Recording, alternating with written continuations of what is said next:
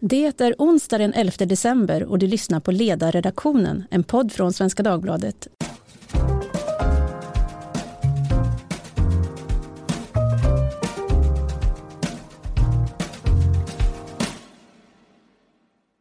Jag heter Tove Livendal och idag ska vi tala om Arbetsförmedlingens framtid. För det är ju så att den här frågan höll ju i veckan på att fälla både arbetsmarknadsminister och potentiellt också regeringen när Vänsterpartiet samlade stöd för en misstroendeförklaring mot Eva Nordmark.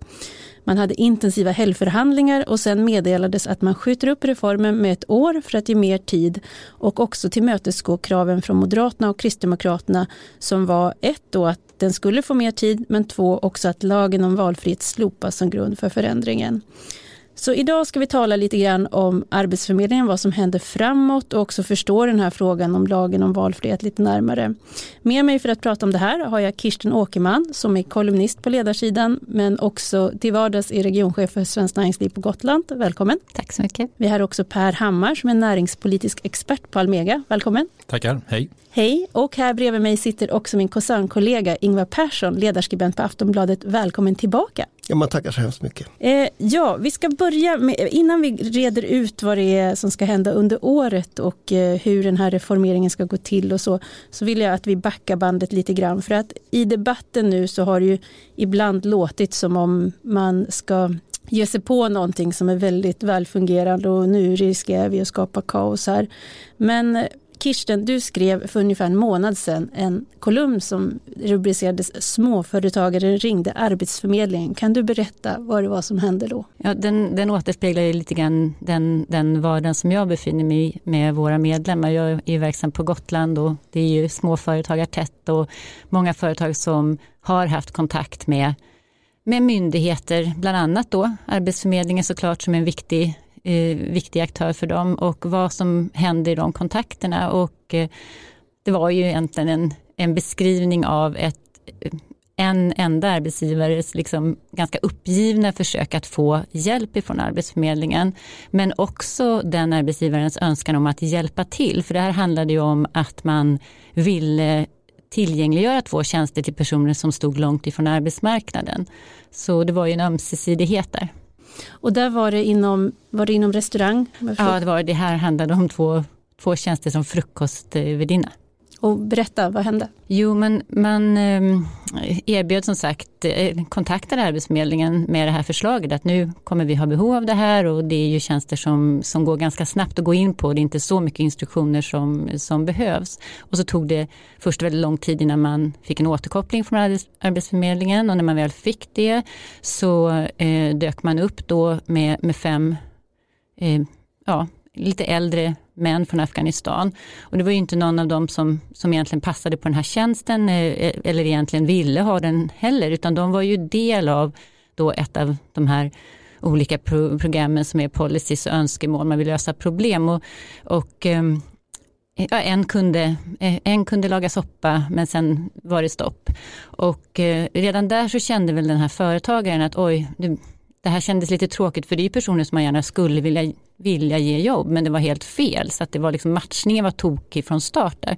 Så hon var väl lite olycklig över det men gav inte upp utan hörde av sig igen och det tog ännu längre tid den här gången och sen kom det en person tillsammans med samma arbetsförmedlare som då var bunden till en rullstol och då hamnade man liksom i en situation att nu hade den här personen från Arbetsförmedlingen redan varit där en gång och sett att det absolut inte gick att ha en person med den situationen liksom på den här arbetsplatsen. Då, då blev hon ännu mer stressad, arbetsgivaren, och kände att nej men det här Liksom hon kände sig olycklig över att liksom inte kunna hjälpa till och också arg över ar Arbetsförmedlingens, liksom att hon tar hennes tid och inte tar henne på allvar som arbets arbetsgivare. Så att det blev liksom, så fortsatte det så här ytterligare ett tokigt eh, försök som, som inte blev någonting av och sen så anställde hon då två helt andra personer. Så att det här var en sån här olycklig, då kan man tänka sig att det här var ju ett unikt fall.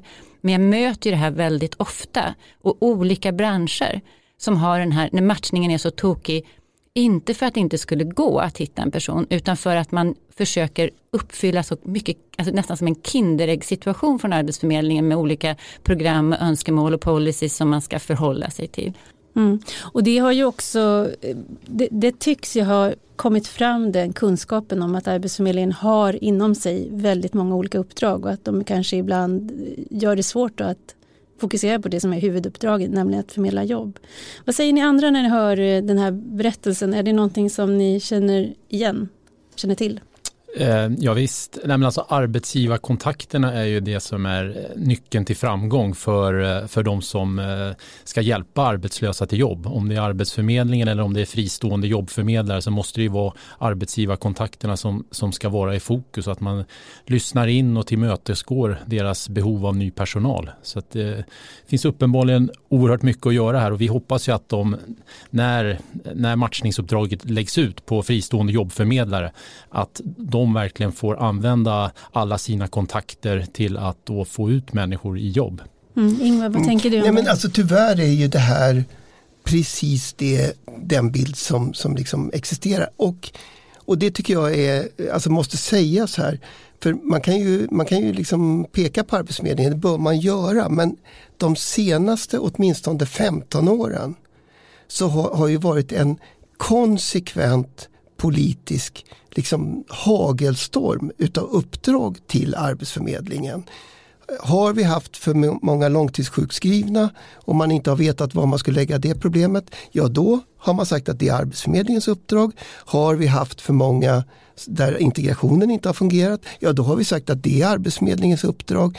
Alltså det här, när, så, utan att liksom göra politik av det så kan man säga att, att det här är sannolikt inte något enstaka partis eh, ansvar utan, utan inte minst under, under de, alltså de här senaste 10-12 åren som, som har gått så har det ju gång på gång lagts på nya uppdrag därför att Arbetsförmedlingen är en statlig myndighet som har funnits överallt. Och det har varit bekvämt om man har suttit på departementen i Stockholm och säga ja men det här kan Arbetsförmedlingen fixa. För kommunerna fixar det inte eller Försäkringskassan gör det inte eller sjukvården gör det inte. Och så, så alltså, jag, jag, kan, jag kan med gott samvete säga att Aftonbladets ledarsida har under alla de här åren påpekat precis det. Att en arbetsförmedling bör rimligen ägna sig åt att förmedla jobb och ska man göra det så måste man ha kontakt med de som anställer folk. Får jag bara pröva en tanke för att det där, det, där tror jag att vi skulle kunna ha skrivit ungefär lik, likartade texter. Och jag vet vid tidigare, när jag, när jag en gång jobbade på mm. Svenskt Näringsliv så träffade jag ju en person från Arbetsförmedlingen som jobbade ganska högt upp kring verksledning och hjälpte till internt med att försöka ja, kvalitetsutvärdera och en av de punkter som framkom och som vi ofta har hört också i debatten det handlar om att arbetsförmedlare i för låg utsträckning är ute och träffar potentiella arbetsgivare. De träffar de som söker jobb men inte de som skulle kunna erbjuda och därför så får de inte den kunskapen som de behöver. Men om jag bara provar en helt järv tanke som uttrycktes eh, eh häromveckan av Henrik Jönsson, jag tror att det var i Kvartalspodd som också satt och pratade om denna arbetsförmedling. Eh, skulle man bara lägga ner den delen, vad händer då? Om man, om man säger så här, nej vi ska inte ha ett statligt uppdrag som handlar om att förmedla jobb, utan det kanske är så att Arbetsförmedlingen ska göra allting annat, det vill säga tänka tvärt som både du och jag har gjort Ingvar. Ja men det är väl det man gör nu. Eh, jag tycker det är en jättekonstig slutsats. Alltså först, först så, så lägger man då en massa andra uppdrag och, och spär ut det. Och sen säger man det här fungerar ju inte, ja men då tar vi bort det. Eh, men men jag menar det är den slutsatsen som faktiskt är politik nu. Mm. Vad säger ni andra? Men jag tror det, det är oerhört viktigt när Arbetsförmedlingen reformeras att hela uppdraget att ha kontakter med eh, med arbetsgivare, att det går över då till de fristående jobbförmedlarna så att Arbetsförmedlingen inte också har massa kontakter med arbetsgivare så att det uppkommer en snedvriden konkurrens här. För om matchningsuppdraget ska ut på de fristående jobbförmedlarna, då måste de få ta hela ansvaret för kontakterna med, med arbetsgivarna. Nej, men så kan man ju göra om man har företagen, alltså de här matchningsföretagen i centrum. Eh, personligen tycker jag att det viktiga borde vara att ha de arbetsgivare och de arbetssökande i centrum och då, då kanske inte så att säga, konkurrensneutraliteten är det allra viktigaste. Jag tänker att man måste också passa på att dra på de erfarenheter man har av att göra svårare, alltså lite mer långt ifrån arbetsmarknaden rekryteringar som ju faktiskt har skett nu under några år med arbetsgivare som har gjort det som stora sådana insatser och verkligen fått det att fungera. Att man liksom inte tappar bort det arbete som har lagts ner och som faktiskt då finns modeller som har utvecklats under en period nu så att man liksom inte eh, tappar det i det här arbetet. Mm. Men det är väl ingenting som talar egentligen för att de, att de då fristående jobbförmedlarna skulle vara sämre på att de, de kan ju också matcha funktionsnedsatta och nyanlända och, och grupper som står längre från ett nytt arbete. Absolut, mm. det behöver inte ske i den, det, vilken regi är inte... Nej. Nej. Och sen kan man ju säga att det de har gratis med sig, de privata, det är att de är företag så att de har ju en slags insikt i ja, det här gå runt perspektivet Eh, Eh, jag tänkte att vi skulle gå över till att fundera nu på vad som kommer att hända och jag vill också att vi ska bena i den här frågan om LOV och LOU därför att det är sånt som hörs i debatten men jag är inte säker på att alla hänger med. Per, kan du förklara vad handlar det här om, den här dragkampen om de här olika systemen, vilka som ska få vara mest tongivande? Ja, det är en, det är en oerhört bra fråga. Det har ju precis, debatten har nu kokat ner till detta, ska det vara LOV eller LOU? Och det är ju två olika upphandlingsformer. Ar, Arbetsförmedlingen använder sig av båda. Det finns för och nackdelar med bägge. Men när det gäller just matchningstjänster så ser vi att LOV, en lovad upphandling, ett LOV-system eh, är ett, det är ett väldigt bra sätt då att eh, till, tillmötesgå de behov som, eh, som de arbetslösa har.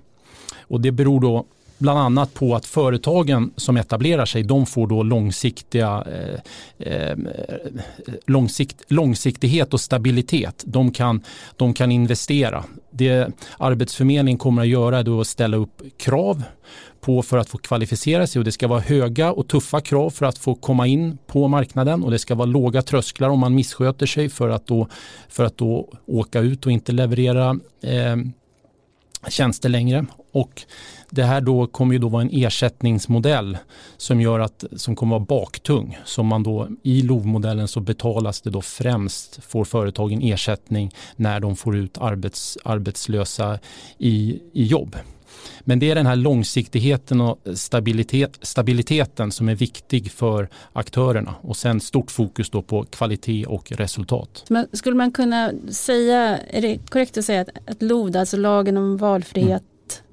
Ja. ja eh, att där har den som ska ha tjänsten, det vill säga den arbetssökande, den mm. har makten att välja vem som ska hjälpa till med att förmedla det här jobbet. Ja, men lagen om offentlig upphandling, vad, hur blir det då? Ja, då gör ju Arbetsförmedlingen då i det här fallet då en, en upphandling av ett antal aktörer som man nu till exempel gör inom, inom arbetsmarknadsutbildning. Ta till exempel då för transportförare, eh, eh förare för lastbil och, eh, och buss. Och då ställs det ju då upp ett antal krav för att få delta i upphandling, vad man ska uppnå. Men då konkurrerar ju företagen som vill ha den här tjänsten med, lägs, med pris också.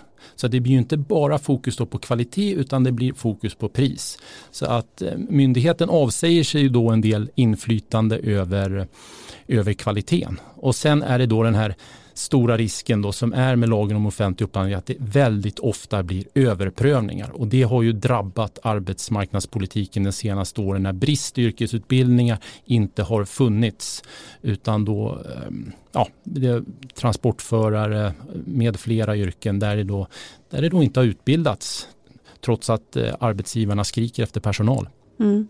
Och nu, va, va, varför blir det så att Moderaterna och Kristdemokraterna ställer sig emot LOV? Va, varför kommer Moderaterna och Almega där på olika uppfattningar i frågan, undrar man ju. Ja, det är en bra fråga. Jag tror, alltså, jag tror att Moderaterna kan vara lite oroliga för, om jag har tolkat det rätt, att det då ska bli en, en väldigt många aktörer som etablerar sig. Eh, eftersom att det är så tuffa krav på att få komma in i LOV-systemet och eh, man kommer få ersättning utefter resultat så, tror, så ser vi det som begränsande. Det kommer inte att bli så många aktörer som man är rädd för från, från en del håll. Sen kan det vara en del i den här valsituationen då, eftersom att det är ett valfrihetssystem så ska den arbetslösa få välja aktör och då finns det ju ratingsystem av eh, de här fristående jobbförmedlarna som då ska ligga till grund för hur de arbetslösa väljer. Men den här valsituationen är ju oerhört viktigt att de arbetslösa kan göra ett informerat val. Mm. Eh, men ibland låter det som i debatten som att vi, vi inte har det här med LOS-system inom arbetsmarknadspolitiken. Och vi har en tjänst som nu heter stöd och matchning. Har funnits i fem år, fungerar alldeles utmärkt. Fler än 300 000 arbetslösa har varit i den här tjänsten och fler än 100 000 har alltså fått jobb eller annan försörjning via stöd och matchning de fem senaste åren. Och det tycker jag glöms bort i den här debatten. Mm. Nu kommer vi till den här, tror jag, väldigt mm. Udda saken att Ingvar Persson nu ska försvara Moderaterna i den här frågan. Ja, inte sant, det är inte lite konstigt. Eh, nej men, alltså, det finns väl ett jättelätt sätt att beskriva vad, vad debatten om LOV handlar om. Det är etableringsfrihet för företagen, eller fri etableringsrätt. Alltså givet att man uppfyller kraven och alltihopa det där. Eh, och, och ett av skälen, jag vet inte vad Moderaterna har för skäl, men ett av skälen till att jag är väldigt skeptisk till den här idén är ju att vi faktiskt har rätt dåliga erfarenheter. Eh, alltså jag ska, jag ska, inte liksom vara vulgär och peka ut eh, saker som har hänt till exempel när det gäller de här etableringslotsarna eller vad som hände när man försökte eh, införa jobbcoacher. Men, men, men erfarenheterna är inte, inte bara bra då kan man säga att då, då drar man slutsatsen att man ska ha högre krav. Men, men det, så det tror jag också är, ligger idén i fatet. Eh, och sen finns det ju en uppenbar, Jag, jag var igår och träffade kommunpolitiker i Kopparberg. Eller Ljusnarsberg om vi ska prata om, om eh, kommuner, för det heter det ju. Och, och där är det ett sånt där, alltså det är ett sånt där uppenbart, där finns inte stöd och matchning. Det finns ingen som har tyckt att det har varit en jättebra idé. Eh, och etablera sig där, det är ännu mer osäkert vem som skulle ge sig in i, ett, i det här nya systemet med den baktunga ersättningen. För det är klart att, att i en kommun eh, som är en avfolkningskommun i grunden så, så är ju förutsättningarna att göra resultat eh, inte så jättestora. Så att, alltså jag tror att det finns många och det är ju inte, det gäller ju också forskare och, och eh, alltså personer från andra discipliner som är, är rätt skeptiska till, till eh, den här idén. Eh, så att, att liksom slå fast det på ett politiskt plan på det sättet som 73-punktsprogrammet gör. Det är ju bara ett parti som egentligen har tyckt att, det här, att er idé är liksom genial och har svalt den med hull och hår. Det är ju det är lite vågat så att jag, jag tror att det är bra att man är öppen för olika upphandlingsmetoder. Per? Ja, men det, det är ju, Ingvar, Ingvar befäster ju, försöker befästa några myter som florerar nu då, det här med etableringsfrihet. Ja, man kan säga att det var väldigt lågt, eh, låga kvalificeringskrav. De var otillräckliga när de här gamla etableringslotsarna eh, eh, Ehm, eh, fanns. Nu som sagt, vi har stöd och matchning som är eh, så att säga, det som eh, är babyn för det kommande matchningssystemet för Arbetsförmedlingen. Där är det, där är det ganska höga kvalificeringskrav eh, för de fristående jobbförmedlarna. Så att hänvisa till att det, att det är etableringsfrihet, inget kunde vara mer felaktigt utan det är tuffa krav. Och jag skulle önska att ni också studerade det, den förberedande verksamhet som Arbetsförmedlingen sjösätter nu i mars. kundval, rusta och matcha. Det är oerhört tuffa kvalificeringskrav för de fristående jobbförmedlare som eh, vill in i, de, i den här förberedande verksamheten som kommer i 32, 32 kommuner. Mm. Nej, men jag funderar, ibland så är, om jag, om jag också får tycka lite grann, mm. så finns det ju, tycker jag, en otrolig fördragsamhet med offentliga misslyckanden. Jag tänker på det exempel som du beskriver Kirsten. Hade det varit en privat aktör så skulle det varit skandalöst. Alltså hur är det möjligt, hur kan man fortsätta få ett uppdrag om man sköter det så illa? Medan det finns väldigt lite tålamod med privata aktörer att det här får inte vara någon test eller felmarginal. Så att, men det handlar ju också om att vi är så tillvanda de offentliga systemen att det är, de, de, de, där har vi mycket större acceptans för att det får bete sig illa. Exakt, jag tänker också lite grann på att vi har ju inte sett eh, hur en sån här marknad skulle se ut utan den här kolossen på lerfötter som glider runt eh, och liksom obstruerar marknaden. Vi, vi har ju inte fått göra det försöket så att eh, jag tänker att det kan också vara spännande att och, och få se vad det skulle innebära det som Per beskriver. För Ingvar, jag tänker på det nu. Kanske när du... lite väl spännande skulle någon tycka. Eh, Ja, det, tyck, det är nog många eh, företag som skulle ändå tycka att det var intressant att se en, en lite spänstigare lösning än den som har varit. Om man bara tar den här politiska dimensionen, för Ingvar när du säger det att ja, men det är bara egentligen ett parti, men det här var en del av överenskommelsen och så är det ju, det är olika Mm. bebisar som har fått plats på den här listan. Eh, och samtidigt så bygger ju en kompromiss på att man får stå upp för varandras Mm. förslag då.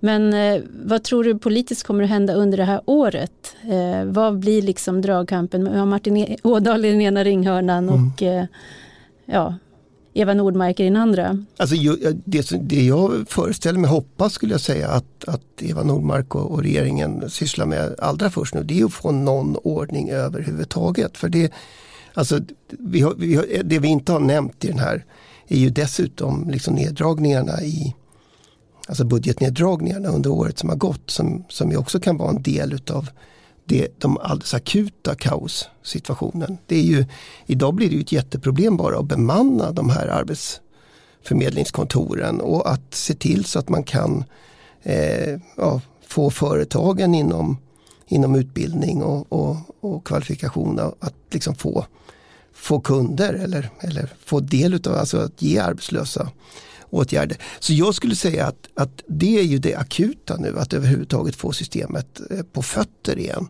Eh, sen, sen tycker jag väl att intrycket just nu är väl att eh, Alltså om det var väldigt, om, om, om, det, om när man skrev överenskommelsen är det rätt uppenbart att det var en ståndpunkt som gick liksom rätt igenom ner i pappret. Så verkar det mycket mer öppet nu. Per, vad säger du om den politiska utvecklingen här under året? Vad tror du man ska... Ja, vi hade ju helst, sett att man hade hållit fast vid den ursprungliga tidplanen. Nu blir det ytterligare ett år, eh, men det ger då möjlighet till ytterligare politisk förankring. Man vill ha med alla partier inom förankringsgrupp. Det, det är positivt. Eh, det gäller att inte tappa tempo. Mer tid betyder inte att man ska slå på takten utan snarare att man ska ta, ta tillfället i akt nu att kanske, kanske bredda med något försök, ytterligare försök, möjligen med LOU då för att, eh, för att då testa det som man nu testar LOV i, i det här kundval, eller man förbereder nu med kundval, stö- eh, rusta och matcha. Eh, men, och det tycker jag är väldigt viktigt att man nu Arbetsförmedlingen ser till att bygga upp en, en effektiv kontrollverksamhet och en granskning. Vi, vi välkomnar en skärpt granskning av de fristående jobbförmedlare förmedlarna nu när systemet börjar fungera i stor skala. Så att eh, de som inte levererar, de ska ju inte vara med, vara med i systemet. Och här finns det oerhört mycket att göra från Arbetsförmedlingens sida. Vi, vi måste, tror jag, generellt i Sverige bli mycket bättre på det här med att följa upp eh, effektivitet och kontrollera de aktörer som, som driver sin eh, verksamhet med, med skattebetalarnas pengar. Så att det, det, och som sagt, vi välkomnar det från Almega. Både privata och offentliga. Jajamän. Ja.